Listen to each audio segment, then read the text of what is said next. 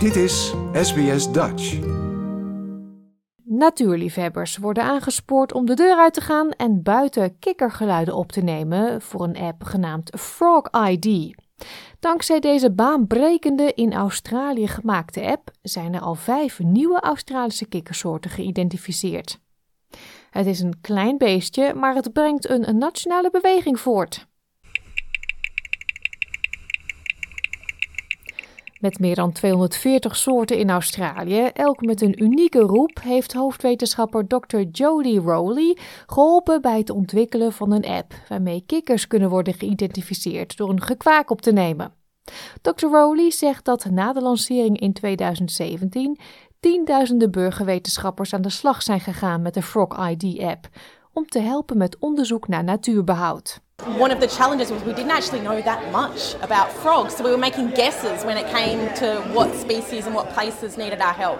So we needed a frog army, and thanks to Frog ID, we have a frog army across Australia that are helping figure out where frogs are, how they're doing. De gratis app is een unieke kikkerdatabase geworden en is een hit bij kinderen en hun ouders. Moeder Diana Fernandez zegt dat ze net zo gek is op de app als haar kind. They love the iPads, they love all the devices. If that device can teach them about the environment, frogs, and keep them entertained for five minutes, that would be great. Mensen die helpen de kikkers in het wild te identificeren is slechts een deel van het project. Met inmiddels bijna een miljoen geluidsopnamen heeft de Frog ID-app geholpen bij het identificeren van vijf nieuwe soorten. Ook zijn, naar aanleiding van de bevindingen in de app, 20 onderzoekspapers geschreven en was het zelfs de inspiratiebron voor een door ARIA genomineerd album. Dr. Rowley zegt dat, nu ze over enorm veel data beschikken, het Frog ID-team zich tot kunstmatige intelligentie wendt. We're using this library that everybody's helped create, this library of frog calls, now to train machine learning artificial intelligence so that we'll be able to more quickly and effectively identify Australia's frogs. De minister van Toerisme van New South Wales, John Graham, zegt dat het onderzoek naar verwachting niet alleen de gezondheid en het gedrag van de Australische kikkers zal blijven blootgeven, maar ook de toestand van het milieu zelf. We know that these frogs are giving us crucial information about the state of our country's natural health. Uh, we know the climate's changing. There couldn't be a more important time to be doing this research. Uh, spotting these frogs, sending the information back here, learning about our country and its changing climate as we go.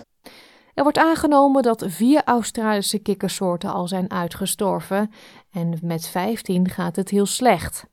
Over de hele wereld worden twee op de vijf kikkersoorten met uitsterven bedreigd. En men hoopt dat middelen zoals de Frog ID-app de internationale natuurbescherming naar een hoger plan kan tillen.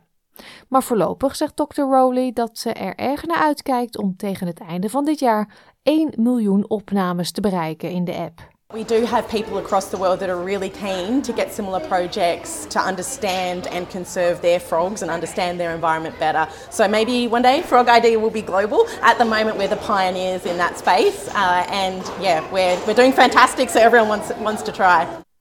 Dit was een verhaal geproduceerd door Alexandra Jones en Kira Hain voor SBS Nieuws en door SBS Dutch vertaald in het Nederlands. Like, deel, geef je reactie. Volg SBS Dutch op Facebook.